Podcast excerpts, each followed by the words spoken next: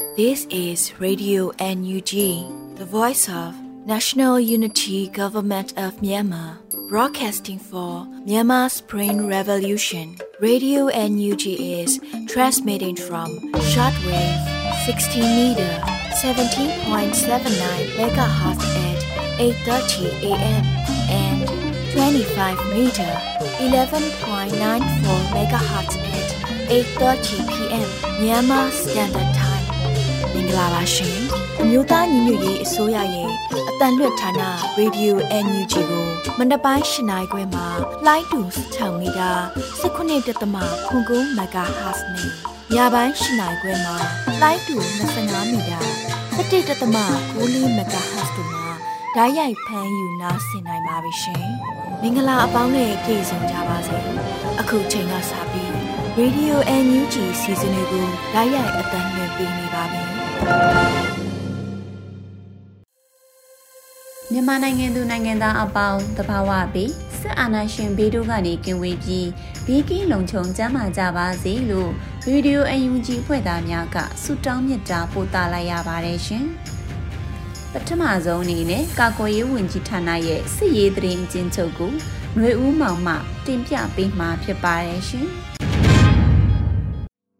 ယခုတင်ဆက်ပေးမှာကတော့ ကာကွယ်ရေးဝန်ကြီးဌာနအမျိုးသားညီညွတ်ရေးအစိုးရမှထုတ်ဝေသောနိုင်စဉ်စည်ရေးသတင်းအချင်းချုပ်ပဲဖြစ်ပါတယ်။နိုင်စဉ်စည်ရေးသတင်းအချင်းချုပ်ကိုတင်ဆက်ပေးပါတော့မယ်။စစ်ကောင်စီတပ်သားကြဆုံ62ဦးစစ်ကောင်စီတပ်သားဒဏ်ရာရ8ဦးစစ်ကောင်စီနဲ့တိုက်ပွဲဖြစ်ပွားမှုသတင်းများကိုတင်ဆက်ပေးပါမယ်။ကရင်ပြည်နယ်တွင်မေလ31ရက်နေ့ကမြောက်ရီမြို့နယ်မြောက်ရီမြို့တောင်ဘက်ဘလူးကျေးရွာဘက်သို့စစ်ကောင်စီတပ်နဲ့နေကြားစောင့်တပ် BGF များနယ်မြေကျူးကျော်ဝင်ရောက်လာပြီး စစ်ကောင်စီ၏ရွှေညောင်ပင်အမြောက်ကုန်းကလက်နက်ကြီးပစ်ကူပေးခဲ့သည်။နယ်မြေထိုးပေါက်ဝင်ရောက်သောစစ်ကောင်စီပူးပေါင်းတပ်ဖွဲ့ဝင်များနဲ့ KNLA ပူးပေါင်းတပ်တို့တိုက်ပွဲဖြစ်ပွားခဲ့ပြီးစစ်ကောင်စီတပ်သား32ဦးသေဆုံးက10ဦးဒဏ်ရာရရှိခဲ့သည်။စကိုင်းတိုင်းတွင် မေလ31ရက်နေ့ကကဏီမြို့နယ်မင်းကုန်းကျေးရွာနဲ့ရောင်ပင်ဝန်းကျေးရွာနားတွင်စစ်ကောင်စီတပ်သား86ဦးပါစစ်ကြောင်းကို MBDF DEMO ဒမ်မိုတက်ခွဲ KLG PDF မဟူယာကြားရိုင်း CDYH PDF MBDF ဒဂုံ Brother Task Force DBDF Yoma Fighter ရင်းမပင် PDF Spring Guerrilla Platoon နွေဦးပျောက်ကြားတပ်စု People Defense Army ရင်းမပင်တို့ကတိုက်ခတ်ခဲ့ရာ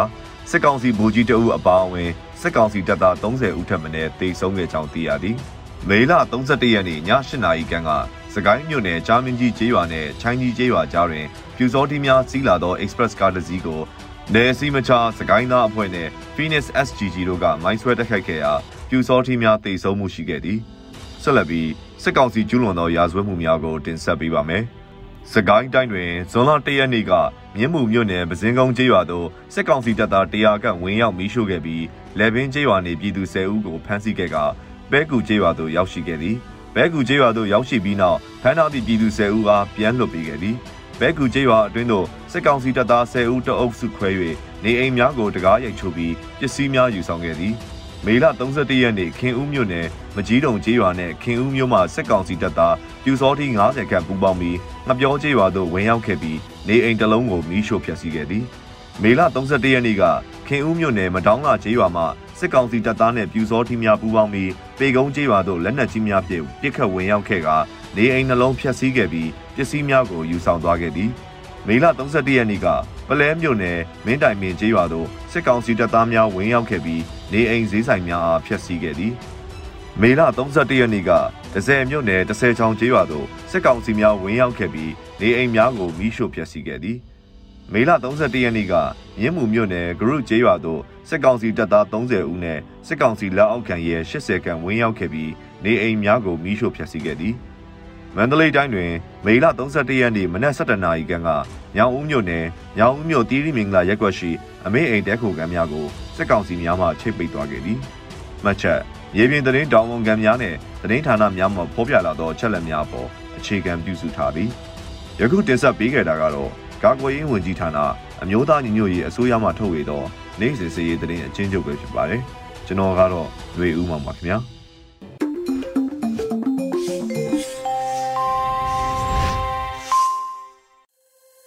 ဆက်လက်ပြီး Radio UNG ရဲ့နောက်ဆုံးရသတင်းများကိုຫນွေဦးမိုင်မှဖတ်ကြားတင်ပြပေးပါမယ်ရှင်။မင်္ဂလာပါရှင်အခုချိန်ကစပြီး Radio UNG ရဲ့မနက်ခင်းသတင်းများကိုတင်ပြပေးပါမယ်ဤသတင်းများကို Radio UNG သတင်းတောင်ခံများနဲ့ခိုင်လုံတဲ့မိတ်ဖက်သတင်းရင်းမြစ်တွေစီကအခြေခံတင်ပြထားခြင်းဖြစ်ပါတယ်ရှင် European External Action Service EEAS Deputy Managing Director ဖြစ်သူ ပေါလာဖမ်ပိုလနီနဲ့ပြည်ထောင်စုဝန်ကြီးဒေါက်တာဇော်ဝေဆိုတွေ့ဆုံတဲ့သတင်းကိုဦးစွာတင်ပြပေးပါမယ်။ဇွန်လ၁ရက်နေ့မှာဥရောပသမဂ္ဂမြန်မာကသတင်းထုတ်ပြန်ချက်အရ European External Action Service EEAS Deputy Managing Director ဖြစ်သူပေါလာဖမ်ပိုလနီနဲ့ပြည်ထောင်စုသမ္မတမြန်မာနိုင်ငံတော်အမျိုးသားညီညွတ်ရေးအစိုးရကျန်းမာရေးနဲ့ပညာရေးဝန်ကြီးဌာနတို့၏ပြည်ထောင်စုဝန်ကြီးဖြစ်သူဒေါက်တာဇော်ဝေဆိုးတို့တွေ့ဆုံ၍ လူသားချင်းစာနာထောက်ထားမှုဆိုင်ရာပံ့ပိုးကူညီမှုနဲ့အာဆီယံအထူးတန်တမန်အနေဖြင့်မြန်မာနိုင်ငံရှိသက်ဆိုင်ရာဖွဲ့စည်းများအားလုံးနဲ့တွေ့ဆုံနိုင်ရင်အဆရှိသည်တို့ကိုအ धिक ထားဆွေးနွေးခဲ့ကြတယ်လို့ဆိုပါတယ်။အမျိုးသားညီညွတ်ရေးအစိုးရကျန်းမာရေးဝန်ကြီးဌာနနဲ့ပညာရေးဝန်ကြီးဌာနပြည်ထောင်စုဝန်ကြီးပါမုတ်ခဒေါက်တာဇော်ဝေစုသည်မေလ25ရက်နေ့ကလည်း UK နိုင်ငံလန်ဒန်မြို့တော်ရှိနိုင်ငံခြားရေးဒနတဟာယနဲ့ဖွံ့ဖြိုးရေးဝန်ကြီးဌာနယုံ Foreign Commonwealth နဲ့ Development Office ၌ UK နိုင်ငံအာရှနဲ့အရှေ့အလယ်ပိုင်းဆိုင်ရာနိုင်ငံခြားရေးဝန်ကြီးနဲ့ပါလီမန်အမတ်ဖြစ်သူ DRT Hon Amanda Milling နဲ့တွေ့ဆုံဆွေးနွေးခဲ့ပါသေးတယ်ရှင်။အယက်သားထိခိုက်သေးဆုံးတဲ့ဘုံပေါက်ခွဲမှုတွေဟာတိုင်းသားလက်နက်ကင်တွေနဲ့တုံလှန်ရေးအင်အားစုတွေပေါ်အထင်အမြင်လွဲမှားစေဖို့အကြမ်းဖက်စစ်ကောင်စီရဲ့ကြိုးပမ်းမှုသာဖြစ်တယ်လို့လူအခွင့်ရေးရောင်ဝင်ကြီးပြောကြားတဲ့သတင်းကိုတင်ပြပေးပါမယ်။ မေလ31ရက်နေ့လူမှုကွန်ရက်မှာအမျိုးသားညီညွတ်ရေးအစိုးရလူအခွင့်ရေးရဝန်ကြီးဦးအောင်မျိုးမင်းကအခုလိုရေးသားခဲ့ပါတယ်။ရန်ကုန်မြို့ဘာလန်ကားမှတ်တိုင်အပါဝင်တချို့မြို့တွေမှာဘုံပေါက်ကွဲမှုတွေဖြစ်ပွားပြီးအရက်သားပြည်သူတွေထိခိုက်ဒဏ်ရာရရှိကြောင်းကြားသိရတဲ့အတွက်အထူးစိတ်မကောင်းဖြစ်ရပါတယ်။အခုလိုအရက်သားပြည်သူတွေကိုပြစ်မှတ်ထားတိုက်ခိုက်တဲ့အကြမ်းဖက်လုပ်ရက်ကိုပြင်းထန်စွာရှုတ်ချပါတယ်။ဒီလုပ်ရက်ဟာတိုင်းသားလက်နက်ကင်တွေနဲ့တော်လှန်ရေးအင်အားစုတွေပေါ် ပြည်သူလူထုနဲ့နိုင်ငံတကာကအထင်မြင်လွဲမှားစေဖို့အကြမ်းဖက်စစ်ကောင်စီရဲ့ကြိုးပမ်းမှုသာဖြစ်ပါမယ်လို့ဝန်ကြီးကဆိုပါတယ်။မေလ31ရက်တွင်ညနေ3နာရီချိန်ရန်ကုန်မြို့နော်ရီထာလမ်းပေါ်ရှိဘာလန်ဘတ်ကာမှတ်တိုင်တွင်ဘုံပေါက်ကွဲကလူ၁၀ဦးထိခိုက်ကတအူးသေဆုံးခဲ့လို့သတင်းရရှိခဲ့ပါတယ်ရှင်။ဆက်လက်ပြီးအမျိုးသားညီညွတ်ရေးအစိုးရပညာရေးဝန်ကြီးဌာန၏ဖက်ဒရယ်ပညာရေးစနစ်ကိုဖော်ဆောင်နေသည့် Myanmar Basic Education Home အနေနဲ့ ကျောင်းသားမိဘများထံအသိပေးထုတ်ပြန်တဲ့သတင်းကိုတင်ပြပေးပါမယ်။ယနေ့တွင်မိဘပြည်သူများဆရာဆရာမများကျောင်းသားကျောင်းသူများနဲ့လူမှုအဖွဲ့အစည်းများအနေဖြင့်အကြမ်းဖက်စစ်အာဏာရှင်၏နေမျိုးစုံဖြင့်ချိန်ချောက်ဖိနှိပ်နေမှုများကိုဒူးထောက်အညံ့မခံဘဲ Federal Democracy ပညာရေးစနစ်ကိုဖော်ဆောင်မိအရေးအသွေးမြင့်ဂျာကာလပြည်သူပညာရေးရန်ရာကိုတခဲနဲ့လိုလားတောင့်တစွာဖြင့် MBEH page တို့ အဆက်မပြတ်ဆက်သွယ်မင်းမြတ်နေသည်ကိုတွေ့ရှိရပါတယ်။ပညာရေးလွတ်လပ်မှုအတွေးခေါ်လက်လက်မှုအပြည့်အဝရှိရဲ့ Federal Democracy ပညာရေးစနစ်ကိုတခဲနဲ့လိုလားတောင်းတပြီးစစ်အာဏာရှင်ပညာရေးစနစ်အောက်မတင်ကြားလိုတဲ့ပြည်သူတွေအတွက် NUG MOE ရဲ့အောက်ပါအစီအစဉ်တွေမှာအတန်းအဆင့်နောက်ကျကျန်နေခဲ့မိကိုလုံးဝစိုးရင်ပူပန်နေရမလို့အပဲအတန်းအဆင့်ဆင့်တက်တင်ယူနိုင်ပါတယ်။ NUG MOE တွင်ចောင်းသားစီရင်သွင်းကြရာလက်လန်းမမီနိုင်တဲ့ကလေးများကိုလည်းဝိုင်းဝန်းပံ့ပိုးကူညီပေးကြဖို့ပြည်သူများထံပန်ကြားတောင်းဆိုအပ်ပါတယ်။ပညာရေးတက်ကြွလှုပ်ရှားသူများပညာရေးအဖွဲ့အစည်းများ social influencer များအမှုပညာရှင်များပြည်သူများအားလုံးအနေဖြင့်လည်းပြည်သူများမိဘများကလေးထံသို့သတင်းစကားပါပေးခြင်းကလေးများအားလုံးပါဝင်သင်ယူနိုင်အောင်လက်ဆင့်ကမ်းနှိုးဆော်ကူညီပေးခြင်းများကိုဝိုင်းဝန်းပံ့ပိုးဆောင်ရွက်ပေးကြပါရန် တိုက်တွန်းနှိုးဆော်အပ်ပါတယ်။ NUG MOE ရဲ့ channel တွေမှာအတန်းစုံတင်ယူကုန်တင်ယူနိုင်ပါတယ်ရှင်။ဆက်လက်ပြီး2022ခုနှစ်မေလကုန်အထိအကြမ်းဖက်စစ်အုပ်စုကမတရားချိတ်ပိတ်သိမ်းဆည်းလိုက်တဲ့နေအိမ်နဲ့အဆောက်အဦ619ခုထက်မနည်းရှိလာတဲ့သတင်းကိုတင်ပြပေးပါမယ်။ဇွန်လတရက်နေ့မှာနိုင်ငံရေးအကြံသားများကူညီဆောင်ရှောက်ရေးအသင်း AAPP ကထုတ်ပြန်ကြေညာချက်ထဲမှာ2022ခုနှစ်မေလကုန်အထိ အကြမ်းဖက်စစ်အုပ်စုကမတရားချိတ်ပိတ်သိမ်းဆည်းလိုက်တဲ့နေအိမ်နဲ့အဆောက်အဦ619ခုထက်မနည်းရှိလာတယ်လို့ဖော်ပြထားပါတယ်။အမျိုးသားဒီမိုကရေစီအဖွဲ့ချုပ်ပါတီဗဟိုအလုပ်ကော်မတီမှမေလ10ရက်ရရှိထားသောစာရင်းများအရလွှတ်တော်ကိုယ်စားလှယ်120ဦးပါဝင်စုစုပေါင်းပါတီဝင်209ဦးရဲ့နေအိမ်အဆောက်အဦများလည်းချိတ်ပိတ်ခံခဲ့ရပါတယ်။စစ်ကောင်စီတပ်များဟာအကြောင်းမဲ့နေအိမ်များကိုချိတ်ပိတ်ယုံသားမက၎င်းတို့အလိုရှိသောလူများနေအိမ်တွေမရှိပါက ဖျက်ဆီးရန်ကားခြင်းတို့လည်းပြုတ်မှုဆောင်ရွက်လက်ရှိပါရဲ့ရှင်။ဆက်လက်ပြီး YRG အဖွဲ့မှတာဝေးပစ်60မမလက်နက်ကြီးကိုအောင်မြင်စွာထုတ်လုပ်နိုင်တဲ့သတင်းကိုတင်ပြပေးပါမယ်။ရေစကြို Revolution Group YRG အဖွဲ့မှတာဝေးပစ်60မမလက်နက်ကြီးကိုအောင်မြင်စွာထုတ်လုပ်နိုင်ခဲ့ပါတယ်။ဇွန်လတရနေ့မှာတာဝေးပစ်60မမလက်နက်ကြီးကိုပြစ်ခတ်စမ်းသပ်ပြခဲ့ပါတယ်။စစ်အာဏာရှင်စနစ်ကိုတွန်းလှန်နေသောကျွန်တော်တို့ရေစကြို Revolution Group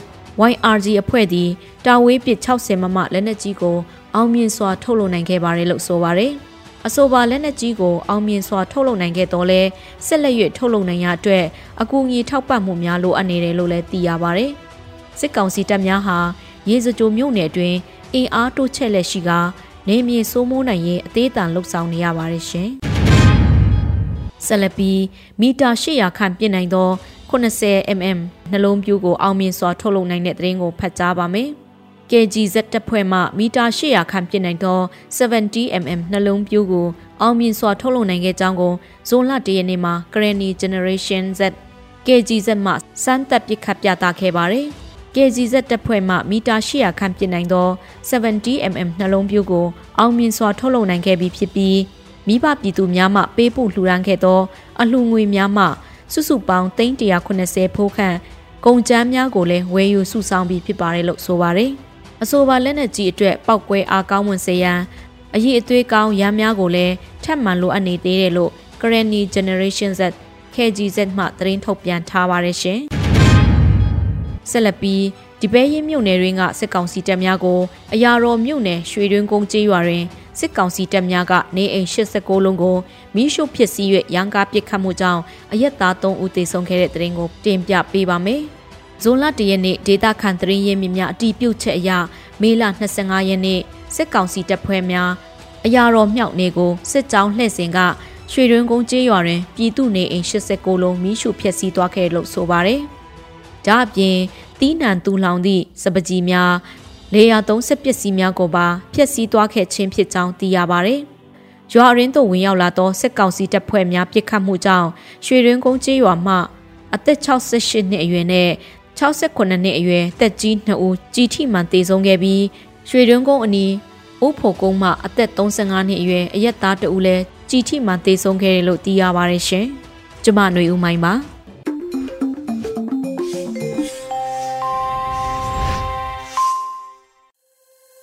ရေဒီယိုအန်ယူဂျီမှဆက်လက်အသံလွှင့်နေပါတယ်။လူသေးဆုံးမှုနဲ့ဒဏ်ရာရမှုများတဲ့ပောက်ကွဲမှုတွေ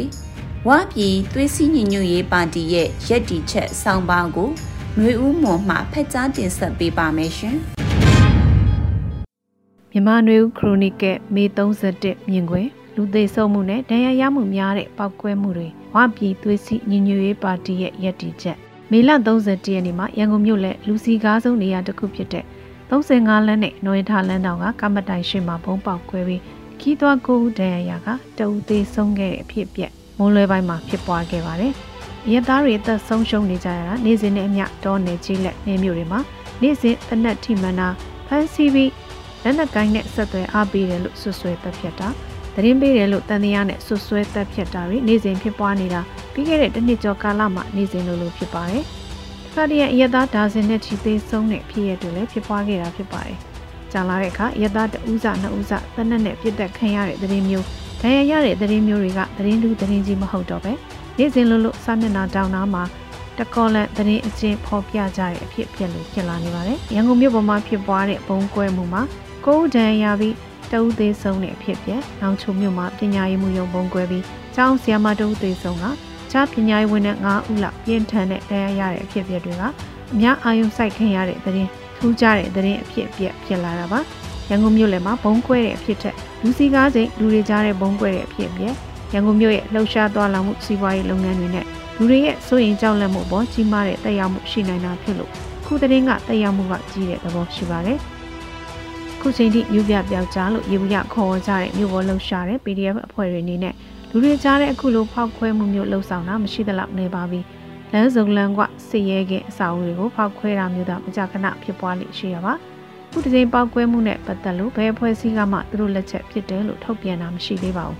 ဒီနေ့တရက်ထဲမှာပဲရှမ်းပြည်နယ်နောင်ချုံမြို့နယ်ပညာရေးမှုရုံးမှအစည်းအဝေးလုပ်ပြီးနောက်မကြခင်အဆောက်အုံတွင်ဘုံကွဲခဲ့တာကြောင့်ပညာရေးဝန်ထမ်းကြောင်းဆရာမကြီးတို့သေဆုံးပြီးတခြားမြို့သမီးပညာရေးဝန်ထမ်းအချို့လည်းပြင်းထန်တဲ့ဒဏ်ရာရခဲ့ကြတယ်လို့သတင်းတွေတွေ့ရပါတယ်။ ဒီပုံဖောက်ခွဲမှုကိုဘယ်ဖွဲ့စည်းကလှုံ့ဆော်တယ်လဲဆိုတာမသိရသေးပေမဲ့ကျောင်းပြန်ဖွင့်တာကိုစန့်ကျင်တဲ့လက်နက်ကိုင်ဖွဲ့စည်းတွေကလှုံ့ဆော်တာဖြစ်ကောင်းဖြစ်နိုင်ပါတယ်။ချို့သော PDF ဖွဲ့တွေအနေနဲ့ဘယ်ပညာရေးနဲ့ပတ်သက်တဲ့အဆောက်အဦတွေကလူပုဂ္ဂိုလ်ကမှလက်နက်နဲ့တိုက်ခိုက်တာဘုံခွဲတာမလုပ်ဆောင်ဘူးလို့ထုတ်ပြန်ချက်ထုတ်ထားတာမျိုးလည်းရှိပါတယ်။ဒါပေမဲ့ PDF ဖွဲ့စည်းတွေရေးအတွက်များစွာရှိကြပြီးမတူတဲ့ရှုမြင်ချက်တွေလည်းရှိနေကြတာမို့ဒီလိုကိစ္စရက်တွေမှာတော့ PDF တွေကိုစောင့်မှုပေးနိုင်တဲ့ ဩဇာရှိတဲ့အဖွဲ့အစည်းတွေအနေနဲ့ရှင်းရှင်းလင်းလင်းသဘောထားမူဝါဒညွှန်ကြားတာထုတ်ပြန်တာထိန်းကျောင်းတာတွေလုပ်ဖို့လိုအပ်မယ်လို့ထင်ပါတယ်။ရန်ကုန်မြို့လည်းဘုံကွဲတဲ့အဖြစ်ပြဟာတိုင်းသားဒေသတွေစကိုင်းတိုင်းမကွေးတိုင်းဒေသတွေကကြေးရွာတွေမှာတပ်ဖြတ်ခံကြရတဲ့ရက်သားအရေးအတွက်နဲ့နှိုင်းယှဉ်ရင်မပြောပါတော့ဘူးလို့ဆိုနိုင်ပါတယ်။သို့ပေမဲ့လူဦးရေတန်းနဲ့ချီနေထိုင်တဲ့မြို့ပေါ်မှာဖြစ်ပွားတာရန်ကုန်မြို့ရဲ့လုံခြုံမှုအခြေအနေထပ်မံကျဆင်းသွားတဲ့ရှုထောင့်ကကြည့်ရင်တော့အကျိုးသက်ရောက်မှုကကြီးမားတယ်လို့ပြောနိုင်ပါတယ်။ စစ်ကောင်စီဘက်ကဂန္ဓမာဟိုစေးဂုံတိုက်လို့ရူဘီမက်လိုမိလောင်မှုတွေနဲ့ပတ်သက်လို့တနေ့ကျော်ကြားတဲ့အထိလက်သည်မဖော်နိုင်တာဖော်ထုတ်ဖို့မကြိုးစားတာတွေကိုကြည့်ရင်လည်းခုလိုမြို့လေကောင်ကားမက်တိုင်းဘုံခွဲတဲ့အဖြစ်အပျက်က Shadow Organization တွေဖွဲ့စည်းပြီးအခြေအနေကိုနားလည်မှုရှုထွေးအောင်လှုံ့ဆော်မှုလားဆိုတဲ့ပြင်နိုင်ခြင်းလည်းရှိနေတာအမှန်ပဲဖြစ်ပါတယ်။ဒီနေ့အတွက်အခြားသတင်းတစ်ပုဒ်ကတော့ UWSP လို့အတူကခေါ်တဲ့ဝပြည်သွေးစည်းညီညွတ်ရေးပါတီရဲ့ဒုဥက္ကဋ္ဌဖြစ်သူ ဦးလော်ရာကူကစစ်ကောင်စီခေါင်းဆောင်နဲ့နေပြည်တော်မှာတွေ့ဆုံပြီးနောက်သဘောထားထုတ်ပြန်ခဲ့ရမှာဆိုရဘက်ကဘယ်သူအုပ်ချုပ်တွေဖြစ်စေပြပခပုံမမတိုးဝါစေဖို့အတွက် UWSP အနေနဲ့ဘယ်ဘက်ကမှထောက်ခံပါဝင်မှာမဟုတ်ဘူးဆိုတဲ့သဘောထားကိုထုတ်ပြန်ခဲ့ပါတယ်။ UWSP နေထားက1989ခုနှစ်ဘကပပြိုးကွဲပြီးနောက်မှာပြည့်အခက်ရဲစဲရေးသဘောတူညီမှုတွေရယူခဲ့တဲ့နောက်တစ်ချိန်မြကြီးမားကစစ်တပ်နဲ့တိုက်ပွဲရှိရှိမှမှမရှိခဲ့တယ်လို့ကြီးမားကိုအုပ်ချုပ်တဲ့စစ်အစိုးရ 2010နဲ့2020ကြားရွေးကောက်ပွဲနဲ့အာဏာရတဲ့အစိုးရတွေကလည်းဝါပြည်ရဲ့ရေးကိစ္စတွေမှာဝန်ဆွတ်ဖွဲ့ခဲ့တာမျိုးမရှိခဲ့တာကြောင့်ဝါပြည်ကအပြည့်အဝကိုပိုင်အုပ်ချုပ်ခွင့်ရထားတဲ့သဘောဖြစ်ပြီးတိုင်းသားလက်နက်ကိုင်အဖွဲ့တွေနဲ့စစ်ရအကောင်းဆုံးလက်နက်အင်အားအတောင်ဆုံးတိုင်းသားအဖွဲ့လည်းဖြစ်ပါတယ်။ဝါပြည်လိုအနေအထားမျိုးကိုအခြားသောတိုင်းသားလက်နက်ကိုင်အဖွဲ့တွေအနေနဲ့အားကျလိုလားကြတာဖြစ်ပြီးရခိုင်တက်တော့ရခိုင်မျိုးသားအဖွဲ့ချုပ်အနေနဲ့ဝါလိုအနေအထားမျိုးကိုအနေဆုံးလိုလားတယ်လို့ပြောဆိုခဲ့မှုတာလည်းဖြစ်ပါတယ်။ ပြီးခဲ့တဲ့ဆယ်စုနှစ်များစွာမှာစစ်တပ်အနေနဲ့ဒိုင်းသားလက်နက်ကိုင်အဖွဲ့အစိုးမိုးနယ်မြေတွေကိုအုပ်ချုပ်ရေးအားဖြင့်အမိကန်ဖြစ်စေလက်တွေ့ဩဇာတက်ရောက်တဲ့အနေအထားဖြစ်စေအုပ်ချုပ်ရေးထားရှိပြီးဝါပြည်ကတော့ချွင်းချက်အဖြစ်ထားခဲ့တာဖြစ်ပါတယ်။ထွေထွေရွေးကောက်ပွဲ၃ချိန်စလုံးမှာဒေတာအနေငယ်သာရွေးကောက်ပွဲကျင်းပခဲ့ပြီးအများစုကတော့ရွေးကောက်ပွဲရဲ့တက်ရောက်မှုကြီးကြီးမားမားမရှိခဲ့တာတွေ့ရပါတယ်။ခုလိုချင်းနေမှာဝါပြည်ကသူ့ရဲ့လက်ရှိရထားတဲ့ဘူရီမြဲကြားနေမြအနေထားကိုမဆုံးရှုံးရအောင်ပြီးမနဲ့ပြီးနဲ့အများအပြားမှာဖြစ်ပျက်နေတဲ့ နိုင်ငံရေးစီရေးအားပြိုင်မှုမှာပါဝင်မှာမဟုတ်ဘူးလို့ထုတ်ပြန်လိုက်တာဖြစ်ပါတယ်။နောက်ကွယ်မှာတော့ချို့သောတိုင်းသားလက်နက်ကိုင်အဖွဲ့တွေကိုစစ်လက်နက်ကူညီတာမျိုးရှိကောင်းရှိနိုင်ပြီးလူသိရှင်ကြားလက်ရှိစစ်ကောင်စီနဲ့ NUG ကြောင့်စစ်ကောင်စီနဲ့ EAO စီရေးပြပခါတွေကြောင့်ဝင်ပါမှာမဟုတ်တဲ့သဘောလည်းဖြစ်ပါတယ်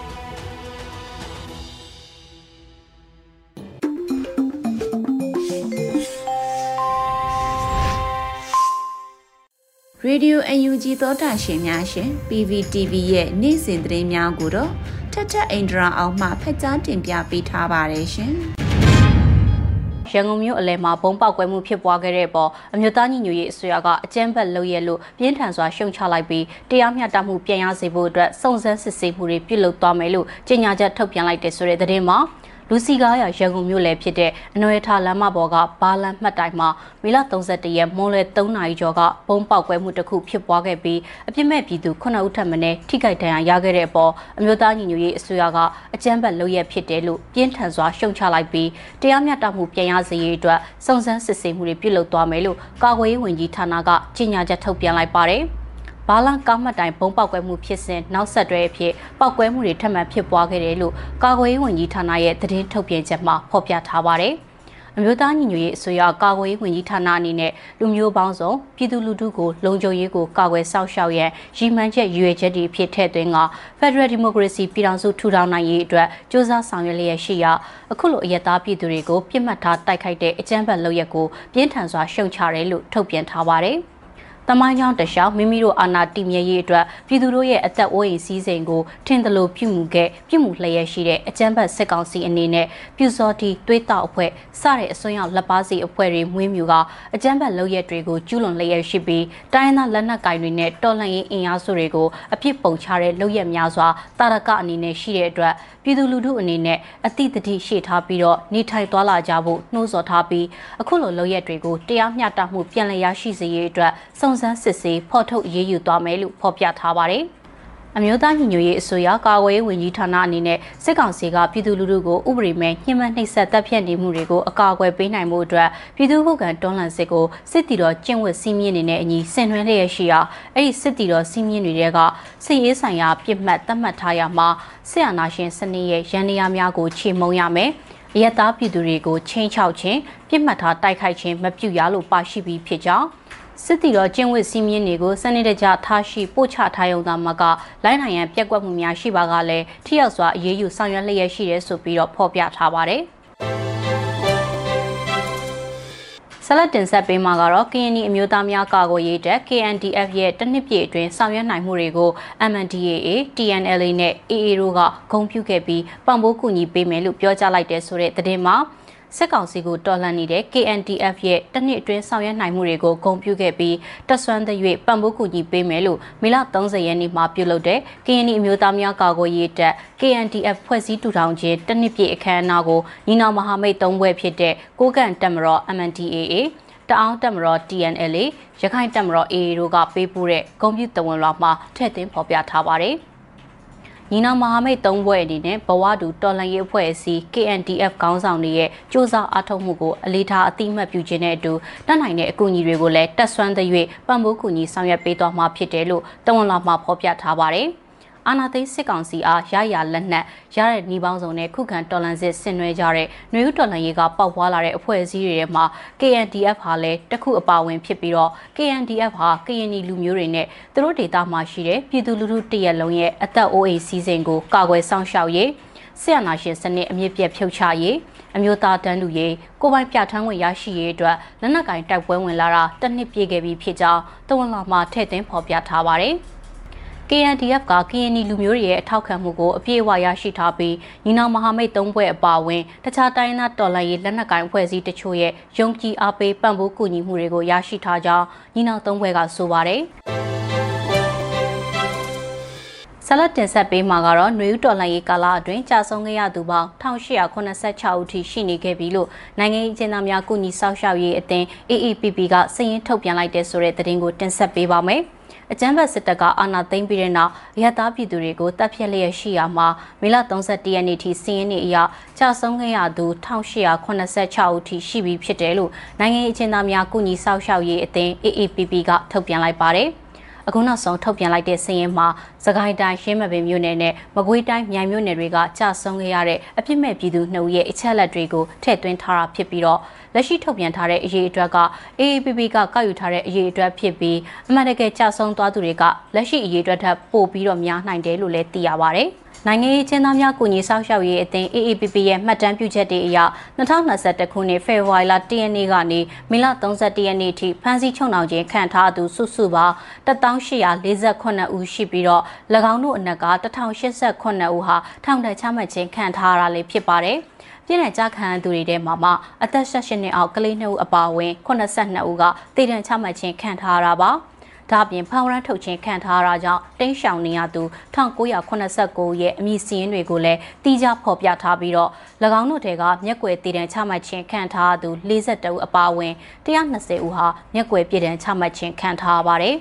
လွန်မြောက်လာသူဥယေအတိအကျနဲ့အမည်စရင်ဟာချက်ချင်းရရှိဖို့လက်လန်းမမိနိုင်တဲ့အတွက်အတိပြုဖို့လိုအပ်နေစေဖြစ်ပြီးတော့အတိပြုနိုင်တဲ့အမည်စရင်တွေကိုဆက်လက်ဖော်ပြပေးသွားမယ်လို့ဆိုထားပါတယ်။ အရက်ဖက်အဖွဲ့အစည်းရဲ့ခေါင်းဆောင်တွေအရက်သားတွေတက်ကြွလှုပ်ရှားသူတွေတည်င်းသမားတွေစီရီယံလှုပ်ရှားနေတဲ့ဝန်ထမ်းတွေစတဲ့နေပယ်အသီးသီးကပဲသူမဆိုဖမ်းဆီးထိန်သိမ်းတရားစွဲဆိုခြင်းခံထားရတာတွေနဲ့ຫນွေဦးတော်လိုင်းရေးကာလအတွင်းကြာဆုံးသွားသူတွေရဲ့အချက်လက်တွေကိုသိရှိပါကနိုင်ငံရေးကျင်းသားများကိုညီဆောက်ရှောက်ရေးအသင်း AAPP ကိုဆက်သွယ်ဖို့လည်းဖော်ပြထားပါတယ်။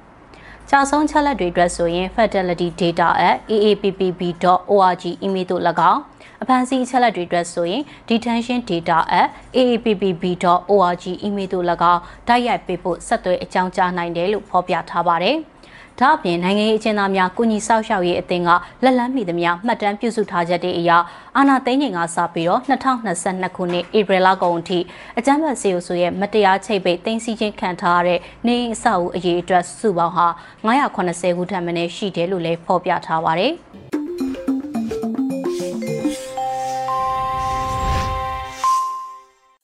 ဆက်လက်ပြီးတော်လိုင်းရေးတိကိတာအစီအစဉ်အနေနဲ့နေပြည်တော် PDF ရဲ့ လာဟိလို့အမည်ရှိတဲ့တေးသချင်းကိုခန်းစားနားဆင်ကြရမှာဖြစ်ပါတယ်ရှင်။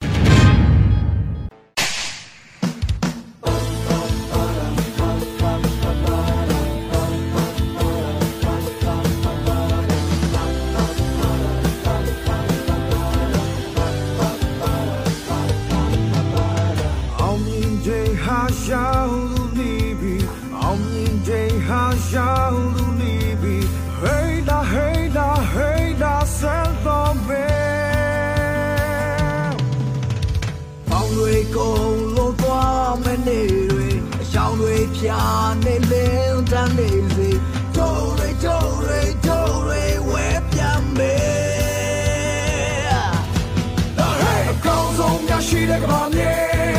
လာလိုက်စစ်တဲ့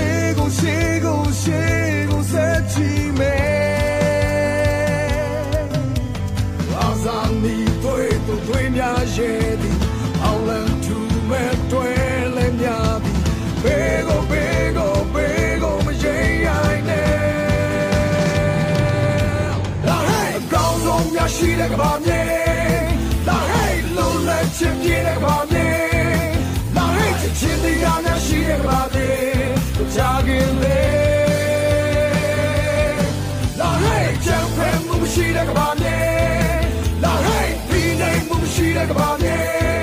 哪里是咱那多西的八年？扎根嘞，高楼里要住多美。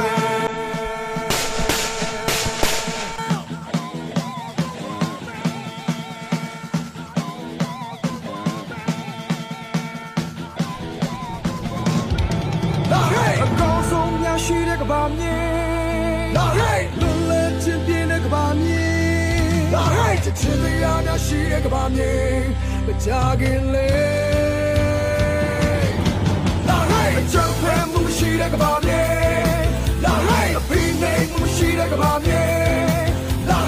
ကတော့ရအောင်တူသွားမယ်